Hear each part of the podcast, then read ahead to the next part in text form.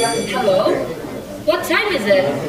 It's time for Cinta Happy Hour.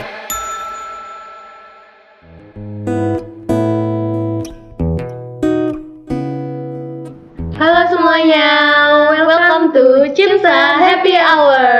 Yeay.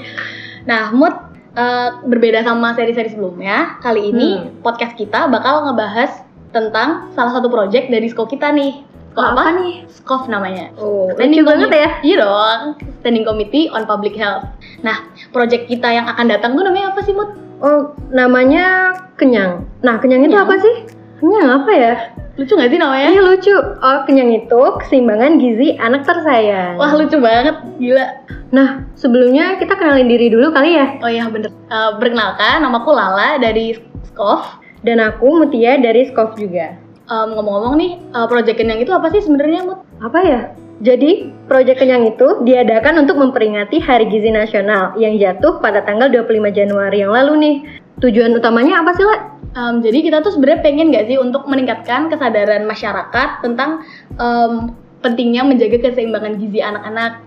Nah, terus nih, intervensi pertamanya udah dilaksanakan kemarin loh, pada tanggal 22 Februari 2020 di TK Abaduku 2 Somadaran. Nah kemarin seru banget gak sih Mut? Kemarin di sana di TK. Seru banget sih, pastinya. Nah em, podcast ini itu tuh salah satu em, program juga dari Kenyang ini. Em, tujuannya adalah adalah untuk eh, memberikan air campaign untuk orang-orang di sekitar gitu. Em, jadi podcast ini bakal dibagi menjadi tiga sesi. Nah sesi kita yang Apa pertama aja ini, yang pertama tuh nanti kita bicara tentang gizi, yaitu sesi yang sekarang. Oh, nanti iya. dilanjutin lagi ada eh, sesi yang namanya lawan penyakit dengan healthy habit, sama ada social media influence on children. Betul banget. Nah, di episode kali ini kita bakal bahas topik seputar malnutrisi nih. Em, kamu tahu apa sih tentang malnutrisi, Mut? Eh, aku nggak tahu-tahu banget sih, makanya biar nggak salah nambah pengetahuan. Kita mengundang salah satu narasumber yang juga dokter spesialis anak. Dan pastinya beliau udah paham banget nih kalau bicara tentang gizi, khususnya pada anak. Langsung aja yuk kita sambut dokter Andy Parianto. Yeay! Halo dok. Halo. Eh, sebelumnya kita harus tahu nih gimana sih eh, biodata eh, Seputar tentang seputar tentang dokter Andy. Andy. Baik ya, sebelumnya saya sampaikan Assalamualaikum warahmatullahi wabarakatuh. Waalaikumsalam warahmatullahi wabarakatuh. Tapi mohon maaf suara saya agak kurang-kurang enak ya. Iya. Sama gitu ya, nggak apa-apa ya? Nggak apa-apa, Dok. Oke, maklum lah sudah tua ya. Masih semangat tapi Oh, ya. Iya, iya, iya, iya, semangat iya. dong jelas. Jadi begini, saya akan apa ya, dokter spesialis anak ya. Eh, saya mempunyai apa ya spesifikasi lah gitu kira-kira konsultan di bidang nutrisi dan penyakit metabolik gitu ya di anak ya. Keren banget. Mudah-mudahan sesuai lah ya dengan apa Iya, yang di, iya. di apa didiskusikan atau apa nanti ya. Iya, sesuai Ya. sekali dok. Ya, mudah-mudahan begitu. Cukup ya? Iya. Perkenalannya kan udah cukup gitu ya? Iya, Iya, Oke. cukup boleh. Iya. Baik. Wah keren banget. Kalau gitu kita langsung mulai aja ya. Sebelumnya malnutrisi itu apa sih dok? Apakah sama dengan kelaparan? Oh iya. Ya, jadi begini, malnutrisi, mal itu kan jelek ya. Ada Iya, malaria, ya kan? Iya. Malnutrisi. Jadi nutrisi itu adalah sebenarnya nggak seperti makanan sih, proses mengolah makanan lah kira-kira nutrisi ya. Jadi Iya. proses mengolah makanannya kurang bagus, ya. Itu namanya malnutrisi. Karena itu malnutrisi itu umumnya ya itu adalah dinyatakan sebagai gizi kurang dan atau gizi lebih. Karena yang namanya kurang bagus kan tidak hanya kurang gitu, tapi juga lebih ya. juga nggak bagus ya. Tetapi ada tetapinya nih ya. Oke. Kebanyakan dari kita itu menganggap malnutrisi itu yang kurang-kurang saja. Sehingga yang lebih itu sering dilupakan. Ya enggak? Iya. Iya, Padahal iya apalagi ibu itu sekarang kalau anak gemuk kan suka ya. Ini Iya. ada yang gemuk enggak sih? Enggak ya? Ideal Hah? udah pas kecil gemuk Iya, nggak oke. boleh ya. Iya, iya. Masa lalu ya. Iya. Oke. Jadi yang dianggap malnutrisi itu sekarang itu termasuk yang gemuk-gemuk.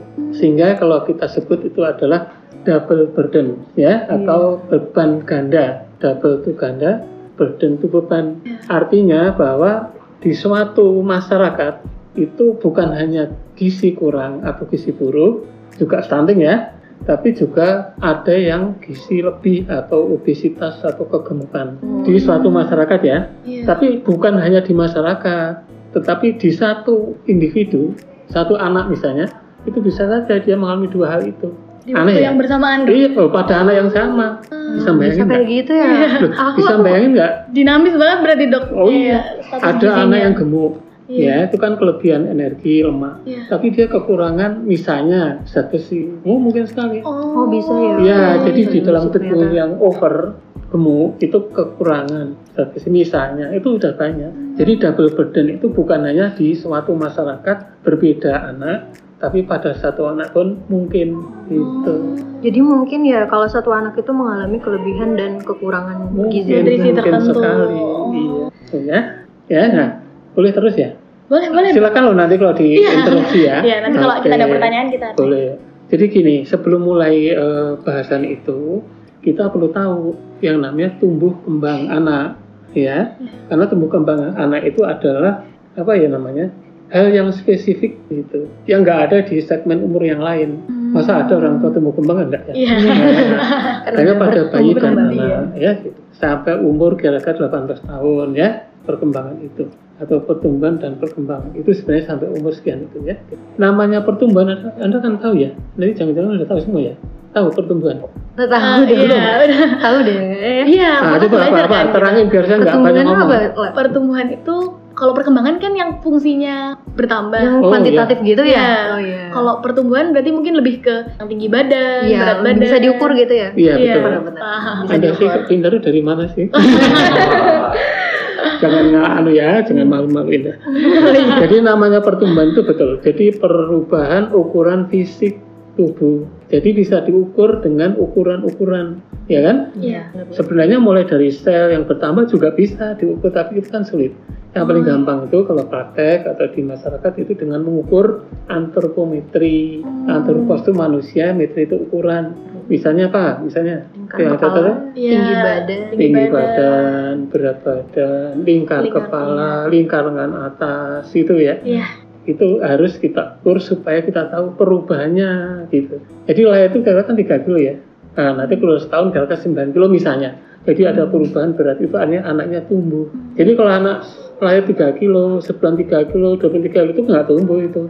Nggak berubah. Ya kan? Oh iya. iya. Iya harus berubah artinya lebih baik gitu loh. Ya jadi bertambah gitu. Itu tumbuh baik. Kalau perkembangan itu sifatnya adalah fungsional tadi betul. Jadi bukan fisik. Misalnya apa? Anak lahir bisa apa kira-kira? Nangis ya? Iya. Nangis Belum gitu. mikir. udah tiga iya bisa. Tapi setelah tiga bulan baru bisa miring ya. Tengkurap. Dan itu motorik kasar ya kan kemudian bisa ngomong ya bahasa interaksi dengan pengasuhnya itu adalah sosial Oh. jadi itu semuanya perkembangan ya apalagi Oh ternyata kayak gitu ya. Terus dok, kalau pada ibu hamil, apakah juga bisa mengalami malnutrisi dan apakah akan berdampak pada bayinya yang akan lahir? ya ini pertanyaannya bagus ya dan susah sebenarnya jadi gini kan anak itu kan mulainya kan dari eh, dalam kandungan ya Iya, jadi iya, mulai iya. dari janin ya Iya. kemudian lahir dan seterusnya jadi malnutrisi itu juga dapat dimulai sejak di dalam kandungan Iya. jadi misalnya ya contoh ya kalau ibu hamil nggak mau makan ya kan Iya. mungkin muntah-muntah terus, sakit, apalagi tentunya mungkin bayinya atau janinnya ya mengalami malnutrisi di dalam kandungan. Hmm. Nanti setelah lahir, ya lahir ya, kita Iya. bisa ngecek, oh beratnya kurang, berat badan lah, berat badan lahir rendah misalnya, atau ada yang sudah pendek loh lahir itu, udah stunting, ada. Ukurannya lebih kecil Ya, gitu ya. kecil masa kehamilan, ada yang berat lahir rendah, ada yang stunting sejak lahir udah ada, ya. Hmm. Dan sebaliknya kalau ibu misalnya ya ibunya gemuk gitu ya makannya banyak. Mungkin bayinya lahirnya besar. Ada yang berat lahir besar masa kehamilan gitu ya. Itu juga nanti risiko untuk menjadi obes gemuk juga lebih besar dibanding yang normal. Sebaliknya yang pendek yang kecil juga kemungkinan menjadi kecil dan pendek setelah lahir. Ternyata. karena itu ya betul. Jadi setelah apa ya merasa hamil harus memperhatikan kesehatan itu langsung berpengaruh pada Iya, janinnya. janinnya, iya, ya. bener. Dari ibu. Itu hubungannya lebih ke genetik. Nah, kalau genetik itu memang dasar dari sononya ya. Oh, ya, iya. ini yang namanya gizi nutrisi itu lingkungannya, lingkungan intrauterin, ya kan? Lingkungan Iya. di dalam. Jadi genetik itu dari sononya. Misalnya ya, ayahnya kecil, ibunya kecil, ya kemungkinan lebih Baik. kecil. Tapi Oh. kita tidak boleh menyerah. Ini ayahnya kecil, ya biarinlah kecil saja nggak bisa. Kita Oh. harus berusaha memperbaiki ling- lingkungan, Oh. termasuk intrauterin. Makanya ibu hamil kan kontrol ya, Oh, Iya. terus ditimbang dan seterusnya gitu ya. Nah, jadi kalau setelah lahir kondisinya misalnya ya tidak baik, itu tugas kita sebagai dokter untuk memperbaiki setelah lahir. Ah, ya maksudnya. Iya. Oh, tahun ini kecil, ah nggak apa-apa, biarin nggak boleh. Kita harus mengubah, ya kan? Kondisi yang kurang bagus menjadi lebih baik. Itu ya. Caranya gimana? Ya pasti kita harus memberi makanan yang. Kalau bayi lahir apa yang dikasih? Tahu nggak? Lahir, oh iya betul harus Iya, harus harus, itu. iya sih. Dimulainya dari IMD ya, bisa sini kemudian nasi eksklusif ya kan sampai dengan umur 6 Enam bulan bulan. dengan catatannya. Jadi um, eh, ASI eksklusif 6 bulan itu harus dipantau tumbuh kembang. Nah, maksudnya ya, kalau seandainya pertumbuhannya kurang bagus, ya kan, kok ASI eksklusif kita harus cari sebabnya apa? Mungkin kalau ASInya sih nggak akan jelek ya, kita percaya sih bagus ya. Mungkin pertama misalnya cara menyusunya nggak bagus. Ada loh ibu-ibu yang belum paham, ya kan? Iya. Posisinya nggak baik, lamanya menyusui kurang lama gitu. Cuman 10 menit kurang, sehingga keluar keluar cuman air, ada protein sedikit, mineral di belum keluar min- lemaknya gitu. Jadi beratnya nggak nambah-nambah. Misalnya, lemak kan kalorinya tinggi, ya kan? Iya. Misalnya, ya kita perbaiki dulu. Jangan dibiarin saja. Ini harus eksklusif. Eksklusif 6 bulan itu bagus kalau pertumbuhannya baik. Ideal. Ngerti nggak maksudnya? Hasilnya eksklusif, pertumbuhannya bagus, nah itu baik. Tapi kalau eksklusif, tidak baik pertumbuhannya harus cari. Mak. Kalau sudah diperbaiki dengan segala macam, kok masih tidak baik, mau tidak mau kita harus apa ya melakukan intervensi. Nggak bisa, berarti harus ditambah yang lain. Gitu. Tergantung umurnya lah. Kalau di bawah 4 bulan ya pasti harus ditambah misalnya ya, misalnya susu formula misalnya. Itu pun harus dengan pertimbangan medis yang tahu. Kalau di atas 4 bulan dan bayi sudah siap makan, ternyata makan itu harus disiapin dulu ya. Harus tes, nggak bisa nggak asal langsung makan nggak boleh harus tes dulu bayinya. Siap nggak? Kalau udah siap boleh diberi MPA setelah 4 bulan ya. ya. Kalau di bawah 4 bulan tidak boleh MPA, belum siap ya. Kalau sudah gitu ya, dicek terus tiap bulan, bagus-bagus 6 bulan kan umumnya MPAC. Nah, ini masalah baru. Jadi MPAC itu tidak mudah membuatnya. Syaratnya ketat, mempersiapkannya susah, menyimpannya apalagi, cara pembeliannya juga tidak gampang, ya.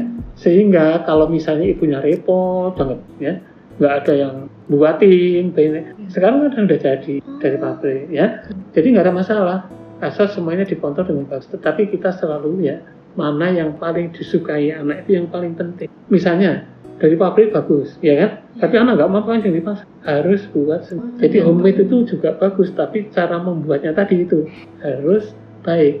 Nah itu yang kadang-kadang masih susah ya ibu-ibu sekarang ya. Komposisinya harus karbohidrat, protein hewani, sayur dan buah hanya sedikit nggak boleh banyak. Jadi ibu-ibu itu sekarang masih membayangkan makanan bayi itu seperti makanan dia, makanan orang tua. Harus banyak sayur dan buah nggak boleh, karena itu merugikan bayi dan anak karena ya apa ya vitaminnya udah rusak mungkin ya yang vitamin vitamin ya rusak kan. Kemudian mengambil tempat porsinya gitu kan. Padahal ada serat yang mengganggu penyerapan zat dan lainnya jadi yang lebih banyak itu harusnya karbohidrat, lemak dan protein. Terutama lemak. Lemak itu energinya kira-kira separuh hampir lah 45% dari seluruh kalori. Padahal kayak tanya itu kalau di klinik ya, di rumah sakit, di praktek. Bu ini MPS-nya dikasih minyak atau santan enggak? Enggak gitu. Cuma direbus-rebus doang. Ya nggak ada kalorinya dong, nggak ada Iya. lemaknya. Bisa bayangin ya? Iya, Susah bisa, ya? bisa. Ada yang mau tanya? Oh, Mas. saya pancing nih tanya. Iya. Sebelumnya nih dok, aku mau tanya nih, kalau misalnya nih eh, seorang ibu Hmm. dia mengalami stres atau eh, kesulitan eh, dalam mengatasin anaknya, itu kayaknya eh, itu berpengaruh nggak sama asinya? Oh iya jelas. Karena ASI itu produksinya dipengaruhi juga oleh hormon, ya kan? Prolaktin, oksitosin, dan itu juga dipengaruhi oleh psikis ibu. Jadi sekresi hormon itu sangat.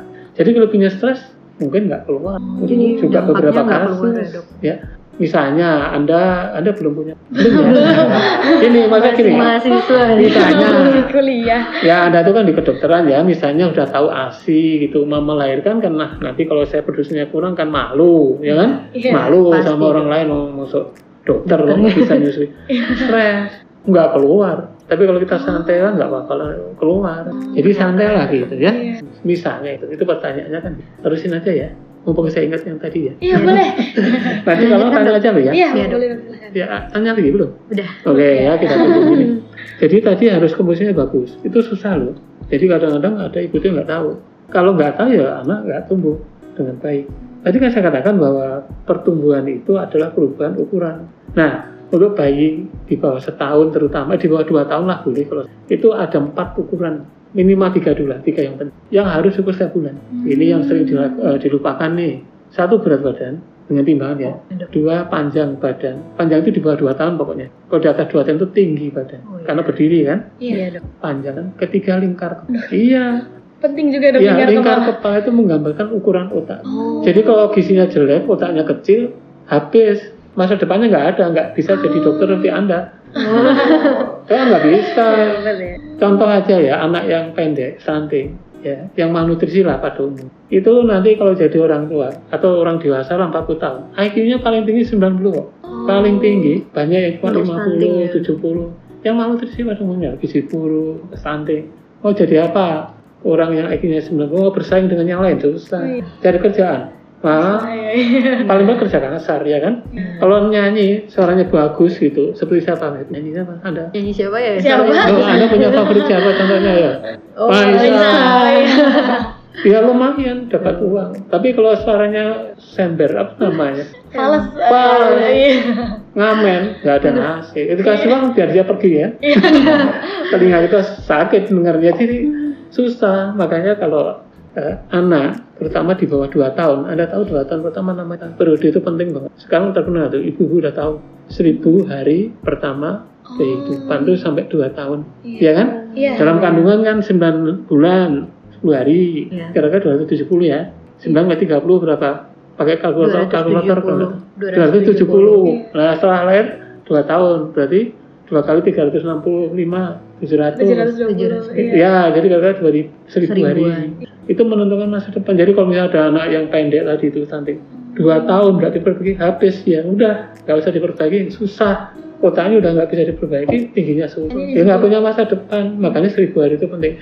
Jadi anda kalau menjadi dokter, tugas lain juga termasuk bidan, perawat, nggak boleh liha-liha, liha-liha apa ya? Santai, nggak apa-apa nih, nggak apa-apa nih, nggak apa-apa.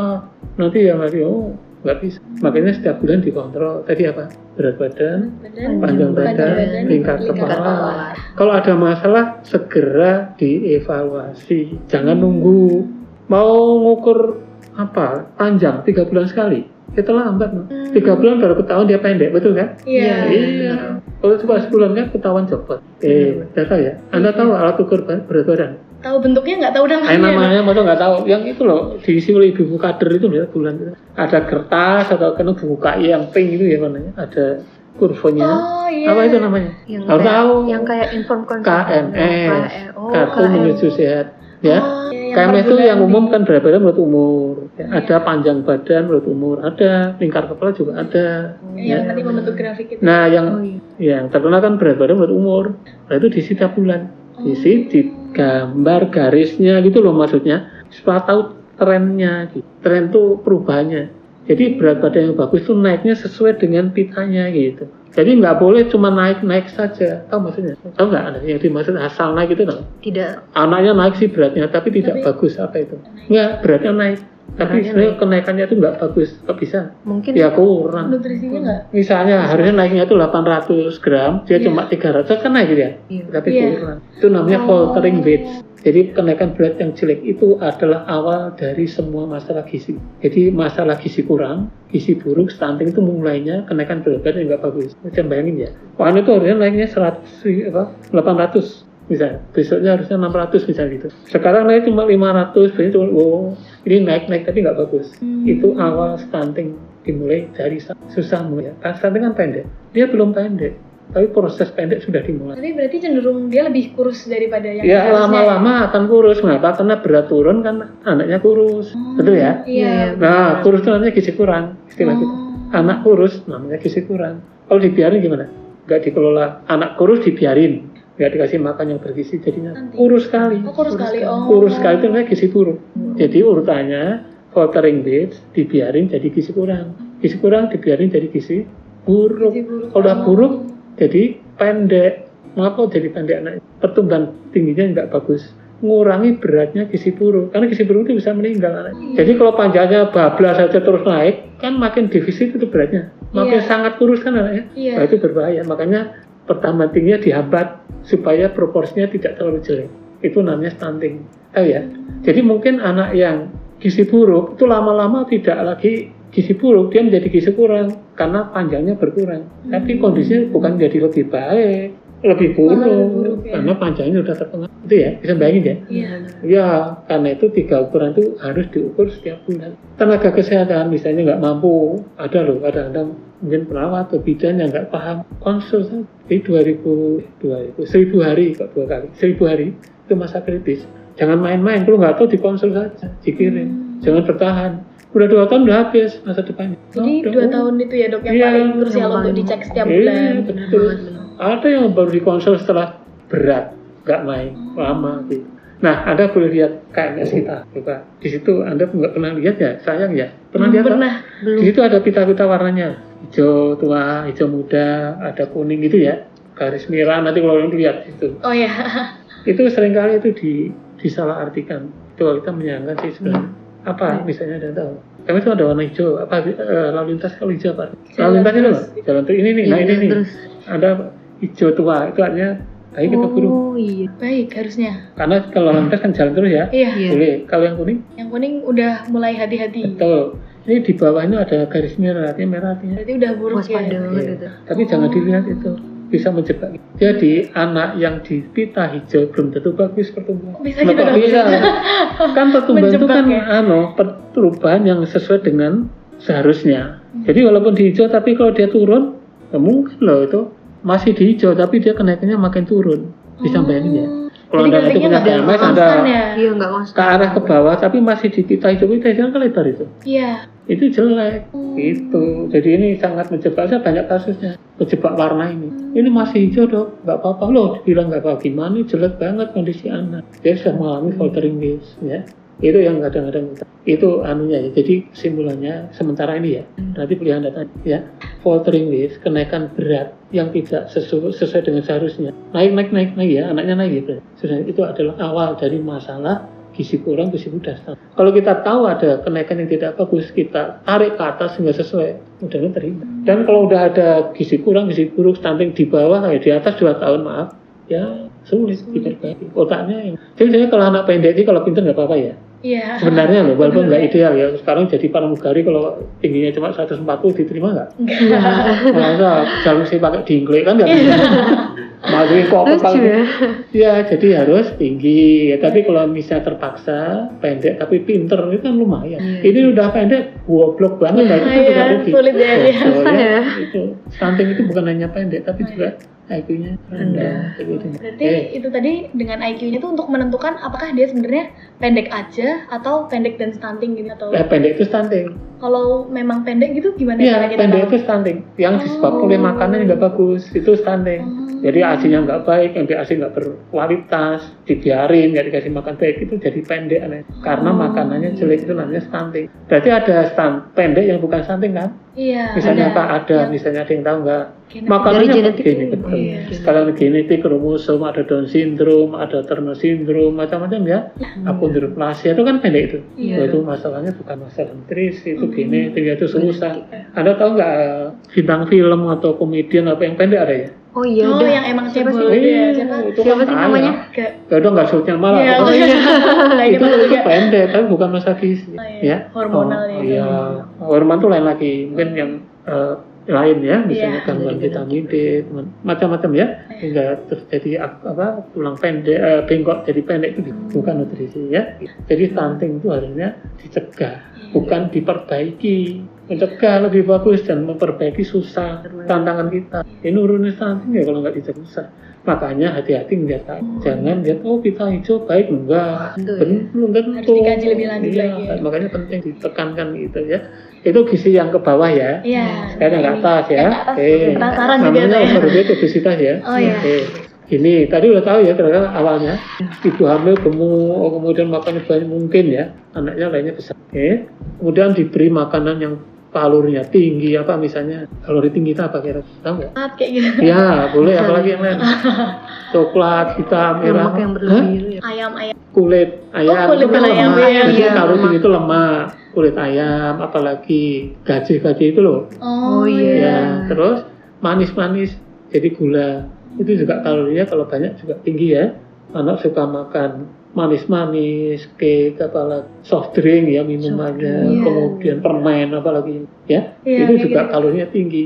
Itu namanya lingkungan menyebabkan kemudian ini lingkungan apa ya? Obesogenik oh, obes itu kan gemuk di sekolah oh ini anak-anak sekolah ya banyak. Iya. kantinnya itu yang dijual lah bangsanya gitu itu Oh iya sih. kalorinya tinggi, soal macam-macam ya anaknya jadi gemuk-gemuk. Makanya harus dicek itu penjualnya harusnya makanan yang sehat. Tuh. Jadi diberi penjelasan, jangan asal itu kan? Iya benar. Ya yang makanan kalorinya tinggi ya jangan dijual, anaknya udah makin gemuk. Ada tahu nggak kalau anak gemuk itu sekarang banyak juga yang hipertensi. Sejak kecil Koles- ya udah iya, kolesterolnya kecil-kecil. tinggi, Iya, ya kan? Yang udah Udah hipertensi. diabetes, diabetes pun Oh bukan iya, tipe satu, tipe dua juga Oh, mulai iya. ada loh anak-anak itu. Padahal biasanya harusnya mulai di atas umur Oh, 40 iya, ya dok kalau yang diabetes tipe tipe 2. kedua sekarang udah ada lah bukan banyak tapi ada yang mulai anak ya karena masalah itu jadi yang sering yang sering ya itu karena lingkungan perilakunya memang nggak bagus. Jadi genetik ya jadi genetik itu ada perannya untuk contoh ya contoh. Kalau seorang orang tuanya ibu atau bapak itu gemuk salah satu itu risikonya 40 Sama namanya anaknya gemuk juga. kalau dua-duanya 80 hampir Itu hampir lumayan apa ya ya. 100 ya. Iya. kalau nggak ada dua-duanya normal Iya. 20 persen jadi risikonya itu ada anak itu berarti orang tuanya normal. Makanya kalau kita di klinik anak gemuk lirik saja orang tanya. Oh, hati-hati dia jangan terlalu nyaut. Ya wah ya pantas ini bukannya gemuk ya kan? Iya iya. jadi bapak gemuk itu kecuali genetik juga lingkungannya pasti mendukung. Ibu banyak suka WA setiap hari kusuk ya kan? Oh iya. 24 jam pegang HP terus duduk aja gimana? Iya. nggak ada ya. sebentar ya. Anaknya ikut ya kan? Oh. Makan sampai semua. nonton TV semua satu tidur keluarga. sampai ngemil ya kan Iya, aduh. nggak pernah jalan nggak Zaman pernah sekarang sepeda, banget ya. iya. misalnya makanannya kalorinya tinggi aktivitasnya kurang ya kan jadi lingkungan yang obesogenik itu perlu diubah. Jadi kalau kita ada anak gemuk itu pertama itu yang dikelola. Ya jangan langsung diet, ngapain diet? Kalau lingkungannya nggak berubah ya percuma, ya kan? Sampai ya. benar, Kalau itu ada anak diberitahu gitu, itu ibunya iya iya iya iya iya gitu. Dok saya udah kontrol nih, kita kontrol kulkas sudah saya cek, isinya udah kasih buah sayur aja, misalnya gitu kan? Iya. nggak ada es krim nggak ini oke bagus ya saya pergi anak saya masak sendiri ya kan dia bisa jadi nggak. Ada jalan. oh dia belanja ini masak sendiri beli sendiri Ya, itu sih.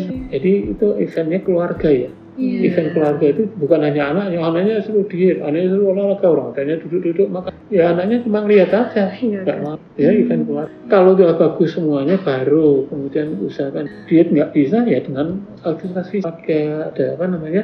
Apa ada itu yang instruktur ya? Oh, ada kan senam senam atau zumba gitu mungkin ya. ada yang gerakannya itu bagus ya kan? Jadi olahraga yang individual itu juga bagus kan renang mungkin apalagi jalan jogging ya Iya.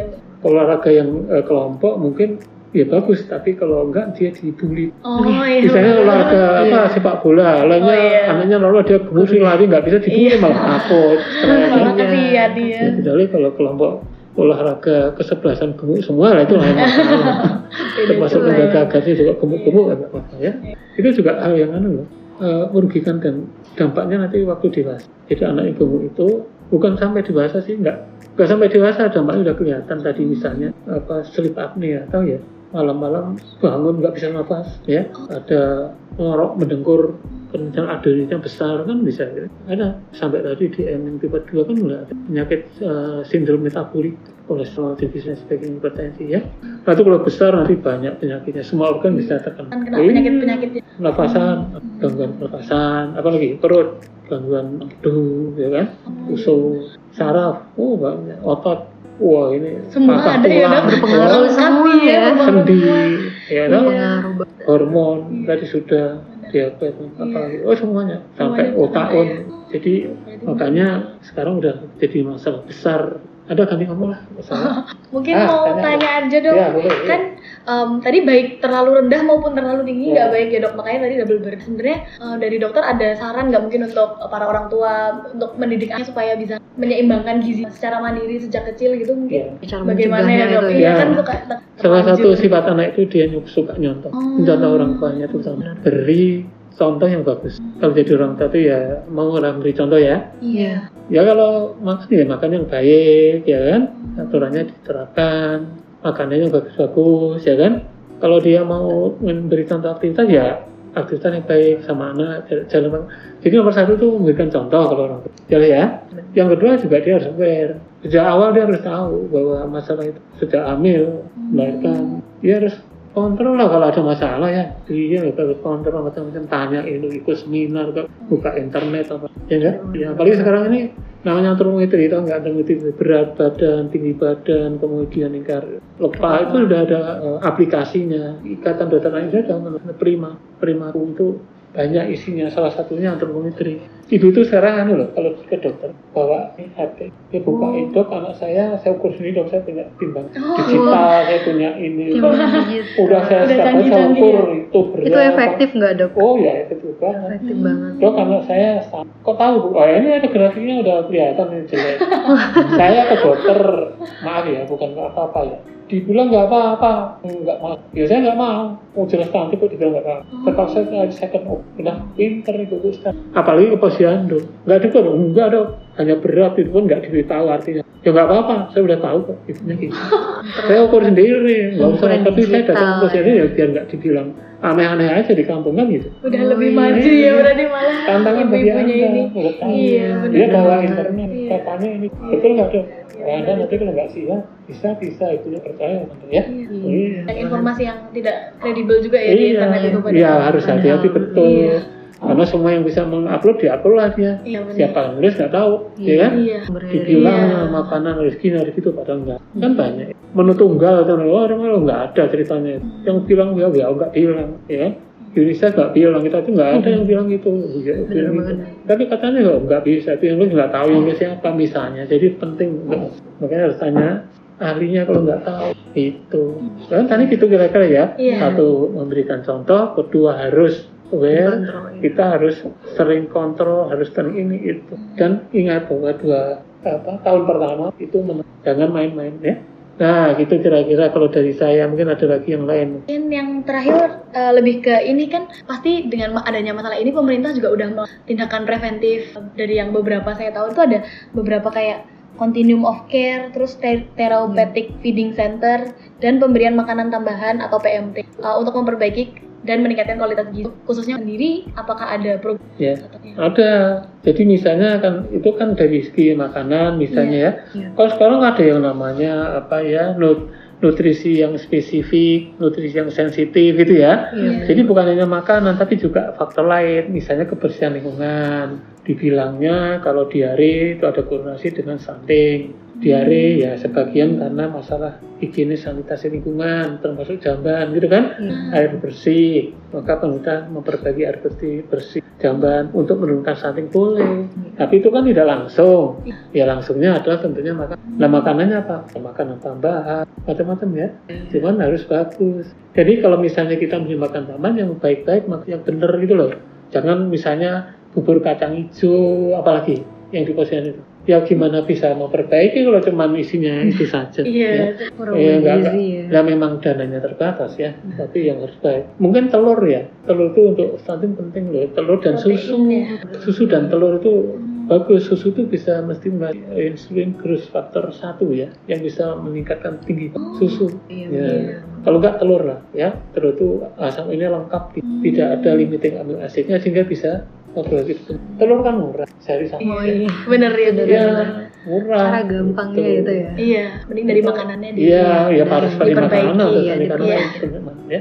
Jadi banyak usaha pemerintah ya. Jadi apa di mana-mana di lintas sektor, lintas departemennya banyak. Ya, cuman kadang-kadang kita harus hati-hati tepat sasaran kita kan maksudnya. Iya. Kalau yang menerima itu betul anak yang apalagi Kan kesimpulan Mut gimana kira-kira? ya jadi simpulan Atau gini ya. masih Apa mau- lagi? Oh, Ada pertanyaan lagi? Iya. Udah, Udah. udah, sih Udah. Ya.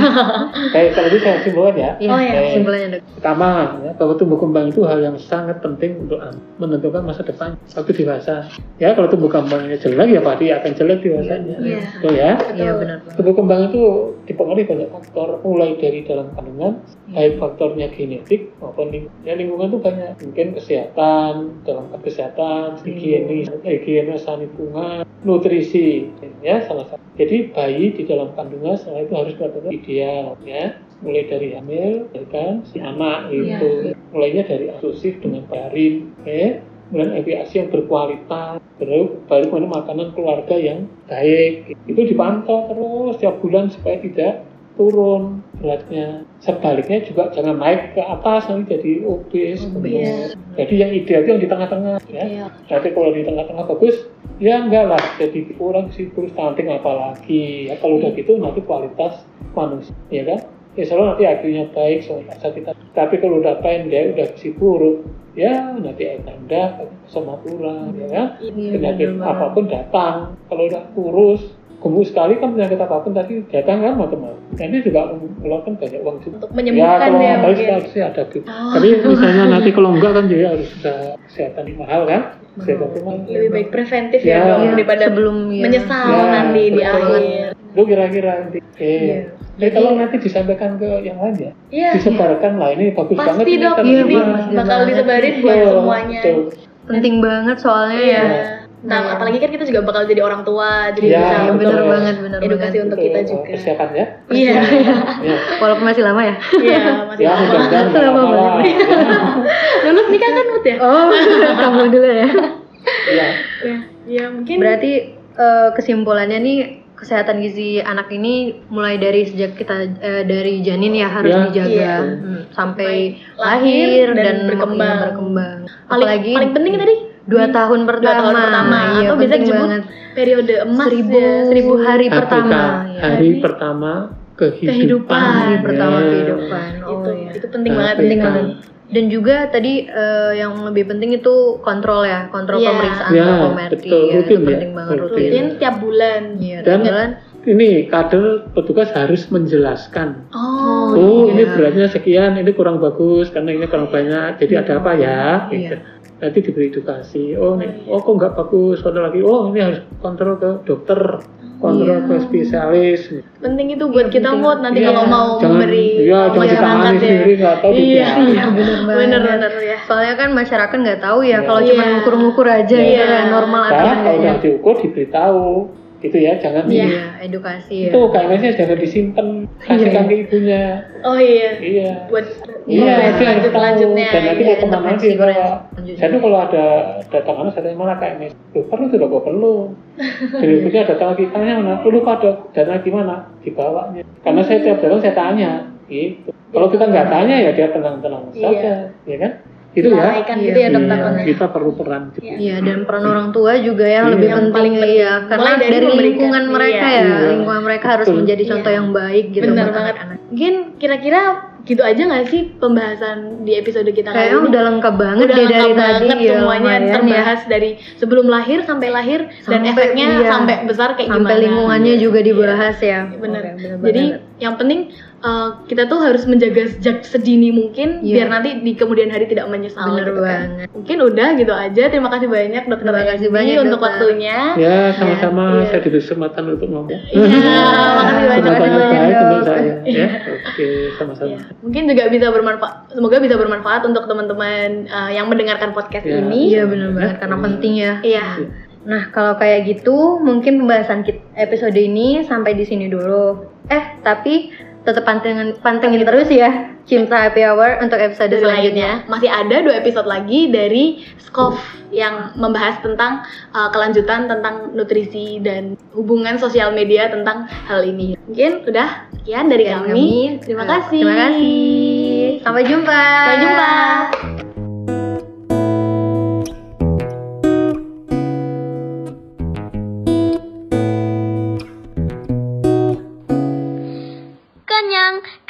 Keseimbangan gizi untuk anak tersayang.